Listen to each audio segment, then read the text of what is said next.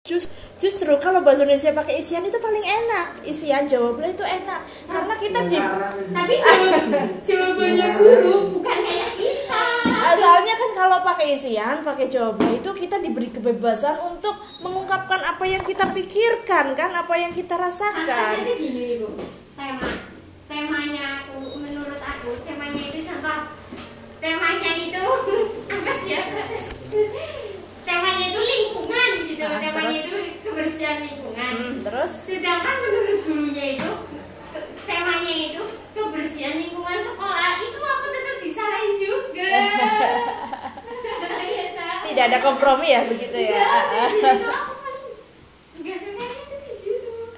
jadi memang ih tapi memang kalau menurut ibu ya bahasa Indonesia itu enak pakai isian atau jawablah karena kita memang lebih lebih bebas untuk mengungkapkan jawaban kan Nah, terus biasanya kalau isian sama eh, jawablah itu ketika kita mengisi meskipun itu salah tetap ada nilainya beda kalau pilihan ganda bahasa Indonesia itu semuanya benar kayaknya tapi ada yang paling tepat ya enggak Iya. Ah, ah, ada yang paling tepat Benar semua, tapi ada yang paling tepat. Iya benar semua, tapi ada yang paling tepat. Jadi itu kayak tes psikotes ya, psikologi.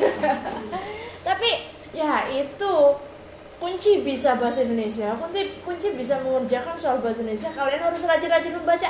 Ya Allah baca soalnya aja malas gimana bisa mengerjakan. Ya kadang gini, kita udah bahasa penangkapan kita tuh beda gitu. Yang kita takut dari kita udah baca beberapa kali soal dengan guru yang walaupun baca satu kali soal. Padahal kalau baca teksnya mah tuh bingung, bukan nggak nyambung ke soal. Terus akhirnya menyerah gitu nggak mau baca teks. Heeh. Ya baca baca, tapi ya udah akhirnya apa yang kita tangkap ya udah yang kita coret gitu ya. Tapi Ah. gurunya apa yang mereka, mereka tangkap ya mereka coret. Gitu. Tanya nggak sama bu guru, bu kenapa jawabannya seperti ini begitu? Enggak. Enggak. Gurunya seru pak. Dari benar. tatapan aja udah set. Ah gitu ya, tatapan elang gitu ya. Jadi sebenarnya bahasa Indonesia sama matematika itu hampir sama loh. Dalam bahasa Indonesia, matematika kita bermain logika, kita bermain penalaran. Cuma kalau dalam matematika itu dalam bentuk apa? Angka kan? Angka bentuknya angka, angka seperti alah pokoknya angka-angka. Tapi kalau bahasa Indonesia dalam bentuk kata-kata. Sama logika, sama-sama bermain logika, sama-sama bermain penalaran. Itu seperti itu. Cuma pengungkapannya yang berbeda. Ah, dan kuncinya kalau seperti matematika, kalau pengen bisa matematika kalian harus banyak-banyak latihan. Iya nggak nggak bisa hari ini ulangan kalian latihannya pagi hari, nggak bisa. ya sulit lah, maksudnya bisa mungkin bisa tapi ketika dihadapkan ya ini maksudnya gimana? Kayaknya tadi bisa deh kok aku sekarang nggak bisa ya kerjainnya biasanya seperti itu. Kuncinya itu latihan begitu juga bahasa Indonesia. Kalau pengen bisa kalian harus rajin-rajin membaca. Karena ketika membaca kalian itu akan apa pikirannya terbiasa kritis terus apa eh tahulah mana sih oh ini paragraf ini membicarakan tentang ini. Oh kayaknya simpulannya ini deh. Ya begitu jadi harus sering-sering latihan latihannya yang membaca. Tapi kalau misalnya baca aja males gimana bisa mengerjakan? Jadi gimana ya ibu? Mau mengatakan gimana ya? Ada yang remedi juga karena ternyata alasannya males baca soalnya. Kan pusing ya? Jadi harus baca soalnya dulu ya hafal tapi baca nggak sih namun soalnya? Apa nggak Baca. dibaca? Tapi pusing gitu. Itu soal soal. Bacanya segini. Ah, satu baca halaman Nggak paham alurnya. Nggak paham alurnya. baca baca aja Baca baca aja dan aku tuh emang nyari jawaban Nggak paham alurnya juga. Dan aku bahasa Indonesia pasti aku baca soalnya dulu. Ah, ah, ah. Iya kan? Terus habis itu aku baru ke baca itunya, Iya. teksnya. Dan aku di situ nyari ya, ya intinya soal. Ah, ah, ah, ah, ah. dan nggak ketemu gitu Enggak. Dan, dan habis itu aku bener-bener nggak tahu, nggak paham alurnya itu dari Yo, wis bahasa Indonesia kuncinya nggak ada kata lain selain rajin-rajin Aku membaca. rajin baca kok. Aku baca apa? Rajin banget. Ya udah, makin dirajinin jadi nggak hanya rajin aja ya nggak hanya ketika membaca kan kita itu pembaca ada beberapa kan ketika membaca hanya sebagai hiburan. Pokoknya dapat ah, dapat hiburan nanti tertawa hahihi huhu gitu kan. Terus kadang nangis nangis gitu kan. Kan seperti itu pembaca di di kamar terus dapat yang lucu gitu kan. Terus nanti kalau dapat yang nangis gitu kan ya memainkan emosi banget.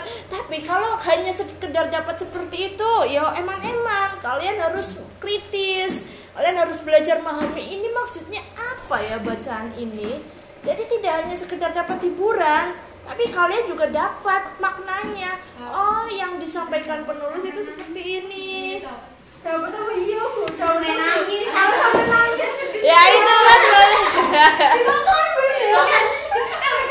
Apa kehidupan nyata tuh. Aku males ini, aku ini.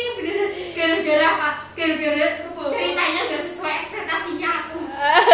Jadi tuh akhir ceritanya gitu gak sesuai ekspektasinya aku. Jadi tuh kadang sad ending gitu. Ah, sad Terus aku, ending. Ah, males banget. Malah males semua ini. males. Menjejelkan gitu ya Masih terngiang-ngiang. gitu. Ah. Kenapa gak kayak gini? Kenapa gak kayak gini? Ah, ah, ah, ah. Ya harusnya kan kalian bisa mengambil kenapa ada seseorang yang seperti itu, kenapa mm, alurnya seperti ini, begitu kan diambil amanahnya. Jadi juga belajar kritis, belajar memahami situasi. Oh ternyata, yo berarti kalian lebih ke, oh, pokoknya aku pengennya kayak gini dan harus seperti ini ternyata. Eh, kehidupan dalam sebuah novel tidak seperti apa yang kita harapkan begitu. Yo kayak dunia ini kan apa yang kita harapkan belum tentu terjadi. Kayak gitu kan belajarnya kalau baca novel. Kalau tokohnya apa? Bisu. Hmm. dah ya ini tentang tadi dari dari pidato kita akhirnya membahas tentang materi yang berikutnya ada kaitannya tadi ya cerpen. Kita akan belajar tentang cerpen. Tahu cerpen itu apa? Cerita pendek. iya cerita pendek gitu. Merupakan salah Yang satu ya bersumber dari kehidupan nyata. Karena memang cerita-cerita itu banyak kan bersumber dari kehidupan nyata. Meskipun nanti nama orangnya disamarkan atau mungkin ada alur yang diubah sesuai dengan harapan penulis. Oh, untuk itu Nadine nanti jadi penulis aja deh, jadi bebas nulisnya mau set ending, mau happy Nadine ending, mau absurd terserah. Apa? Ya, tapi Nadine malas nulis. Sebenarnya tuh kadang Nadine pengen ya, Bu. Tuh udah ada ide ya udah ada ide gitu. Eh, eh, ternyata baru satu satu part gitu baru satu part ih males banget. Kenapa? Ya nggak tahu aja. Ya, tuh ngehalu. Abis ini tuh gini gini gini gini. Happy ending. Udah tidur. udah tidur ya nggak apa-apa jadi awalnya nulis yang pendek-pendek dulu tapi dirutinkan gitu Nah itu masalahnya nggak diterusin bu. Ah. Udah udah awal tapi nggak diterusin. ya nggak apa-apa berarti targetnya jangan langsung nulis novel panjang tapi ya udah cerpen dulu. Oh cerpen nggak bisa ya udah yang lebih pendek lagi. Kita sebagai penulis kalau misalnya kita nulis itu sebenarnya akhir sebuah cerita ada di tangan kita loh. Kalau udah capek sekiranya udah capek sekiranya udah bingung udahlah diakhiri aja. Itu kan apa ya akhir cerita itu bergantung pada penulis.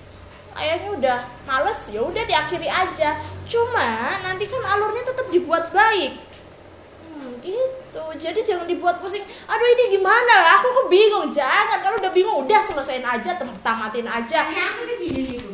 Pertama aku ah mau awalan awalan satu part awalan. Terus habis itu tuh di pikirannya aku tuh, ih muncul konfliknya itu lama banget sih. Jadi aku pengen cepet-cepet munculin konflik. agak sabar gitu ya Dan habis itu selesai udah jadi. gitu ya. Waduh, memang generasi instan ya. gitu ya, maksudnya ya kalau nulis ya seperti itulah intinya kita semua kehidupan di dalam cerita kita yang pegang kendali mau pakai watak seperti apa pun ya terserah. Nanti kita uh, akan dibahas pada bahasan cerpen. Ya tadi cerpen adalah cerita pendek merupakan suatu karya sastra.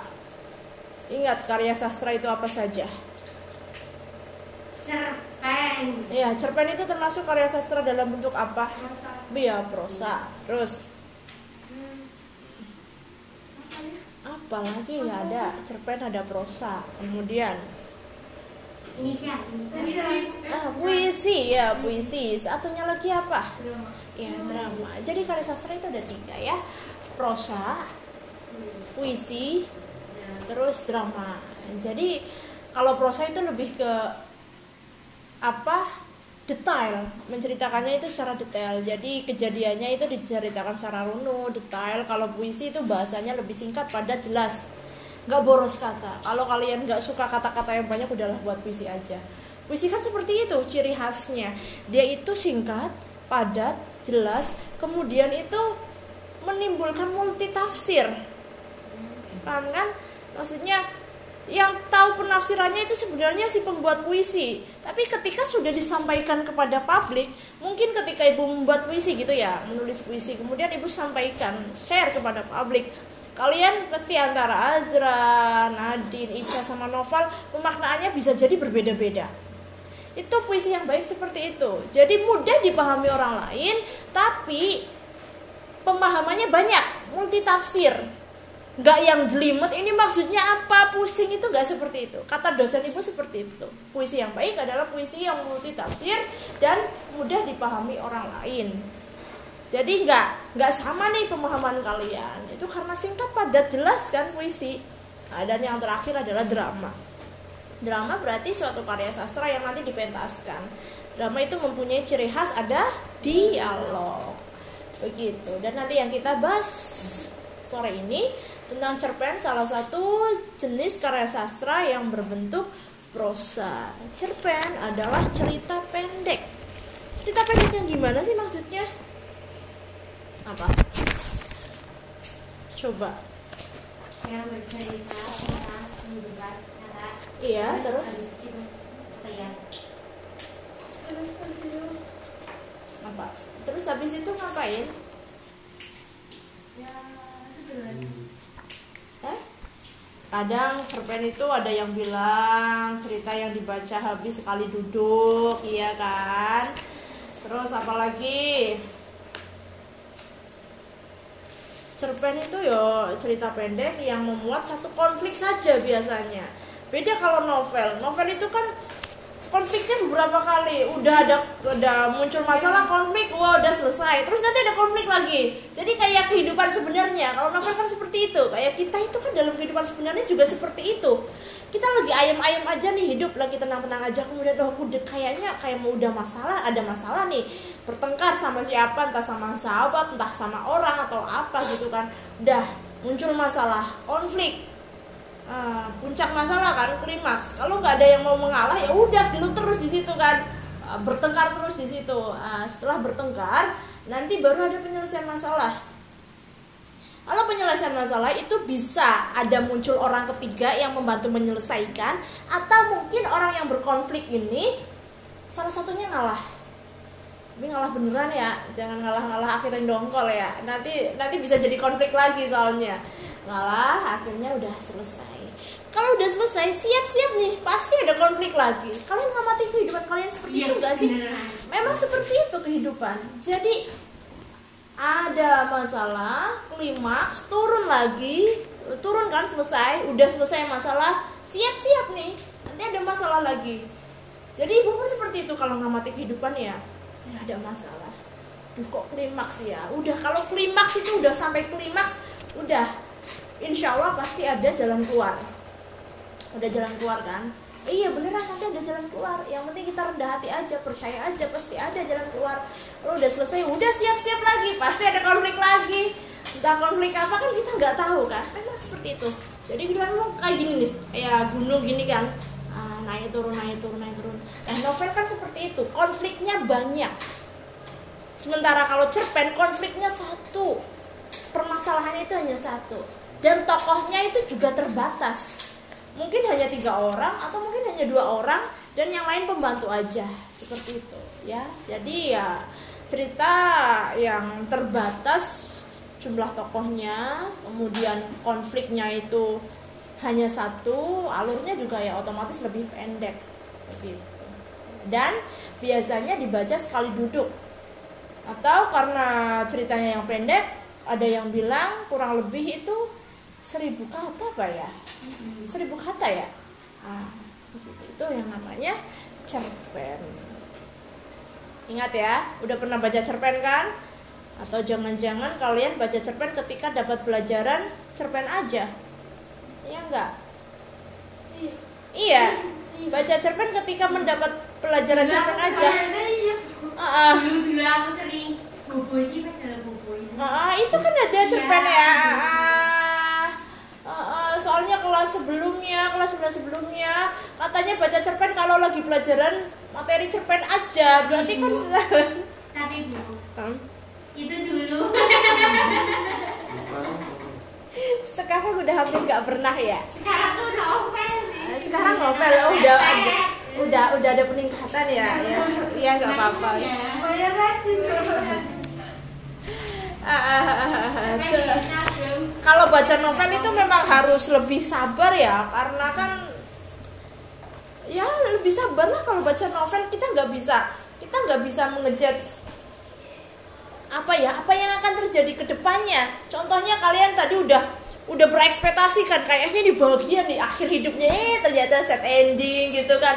Ah kayaknya ini seperti ini nah nggak bisa ternyata penulis pun bisa memainkan perasaan kita ya membuat kita berekspektasi tinggi ternyata akhir ceritanya juga nggak seperti yang apa kita harapkan begitu. Nah itu novel cerpen itu lebih pendek lagi Nah, unsurnya itu sama kayak yang karya sastra ya udah unsur-unsurnya sama. Ibarat sebuah rumah, Ibu selalu bilang bahwa karya sastra itu ibarat sebuah rumah. Jadi yang namanya rumah ini kan terdiri atas beberapa komponen, beberapa unsur ya. Ada atap, ada dinding, kemudian ada pintu, ada jendela. Bayangkan kalau sebuah rumah nggak ada atap, gimana? Banjir Iya banjir, kehujanan, kepanasan, gitu. Kalau nggak ada jendela, kan kalau nggak ada jendela gimana?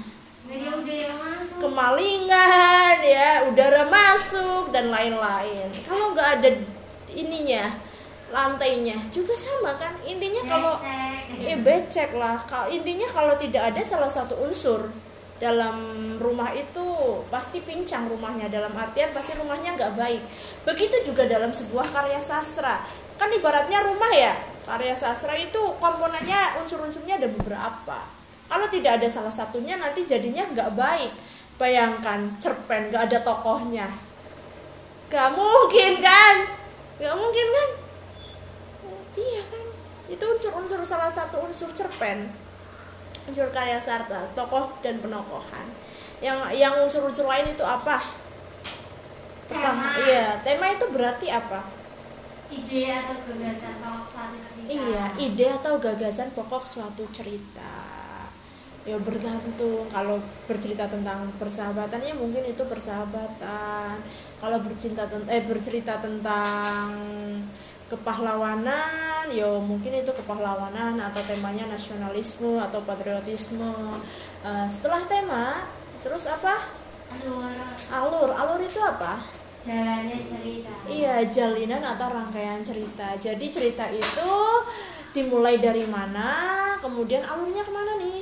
Nah, mau maju atau nanti ingat masa lalu, gitu kan? Berarti kalau ingat masa lalu itu nam- nanti namanya alur mundur. Kalau misalnya dari awal kemudian maju terus gitu kan? Maksudnya bercerita tentang kehidupan kehidupan yang akan dijalani, bukan yang sudah dijalani. Berarti itu alur maju. Kalau alur campuran berarti udah maju nih, udah udah menjalani kehidupan, kemudian ingat lagi masa lalu, kemudian balik lagi ke masa depan. Begitu.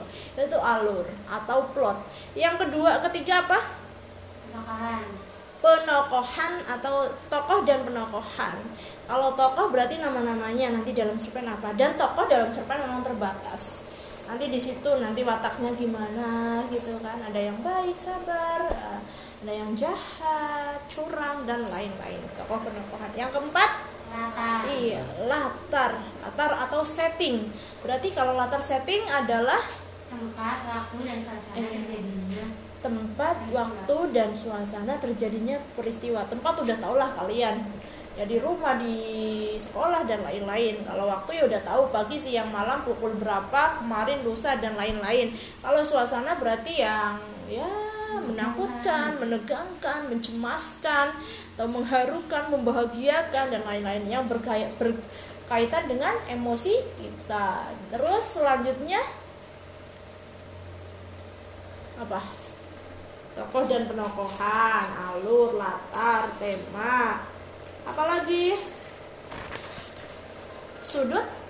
Pandang. Nah, sudut pandang. Sudut pandang berarti cara penulis memandang tokoh-tokoh cerita.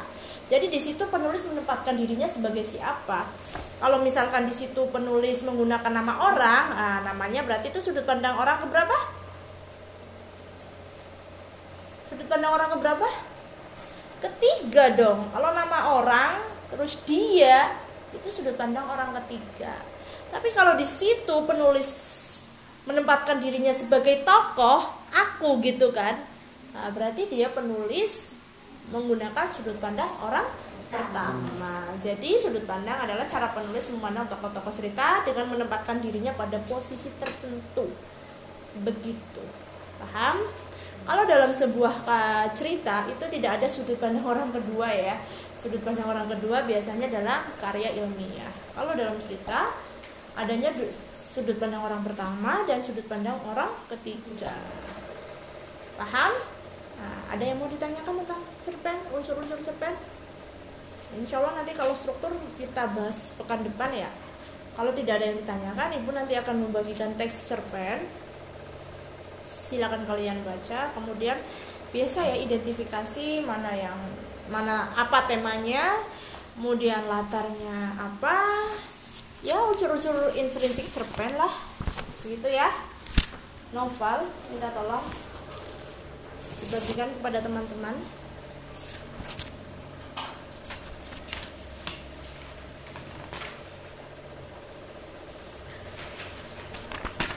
Sudah mendapat semuanya?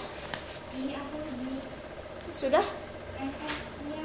Iya. Lebih berarti memang satu nggak berangkat yoga ya. Ada cerpen berjudul Kartu Pos dari Surga karya Agus Nur. Silakan. Ya karena ini nggak panjang sebenarnya, cuma kan memang apa? Panjang bukunya segini kan? Nggak panjang lah ini sedikit silakan kalian baca kemudian uh, aktivitas dua dikerjakan ya identifikasi unsur-unsur pembangun cerpen di atas. Begitu. Ada yang mau ditanyakan?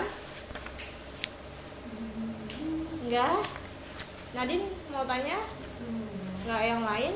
Enggak ya? Mau protes aja ya? Tadi cerpennya kepanjangan ya? Enggak lah. Ini kayak sekali dulu. Ya udah berdiri dulu. Nanti duduk lagi enggak kalau kita udah menikmati sebuah cerita itu cepat selesai. Ya? Udah dibaca masa ibu yang membaca? Ya ya. sudah ya silakan dikerja, eh, dibaca cerpennya kemudian dikerjakan soalnya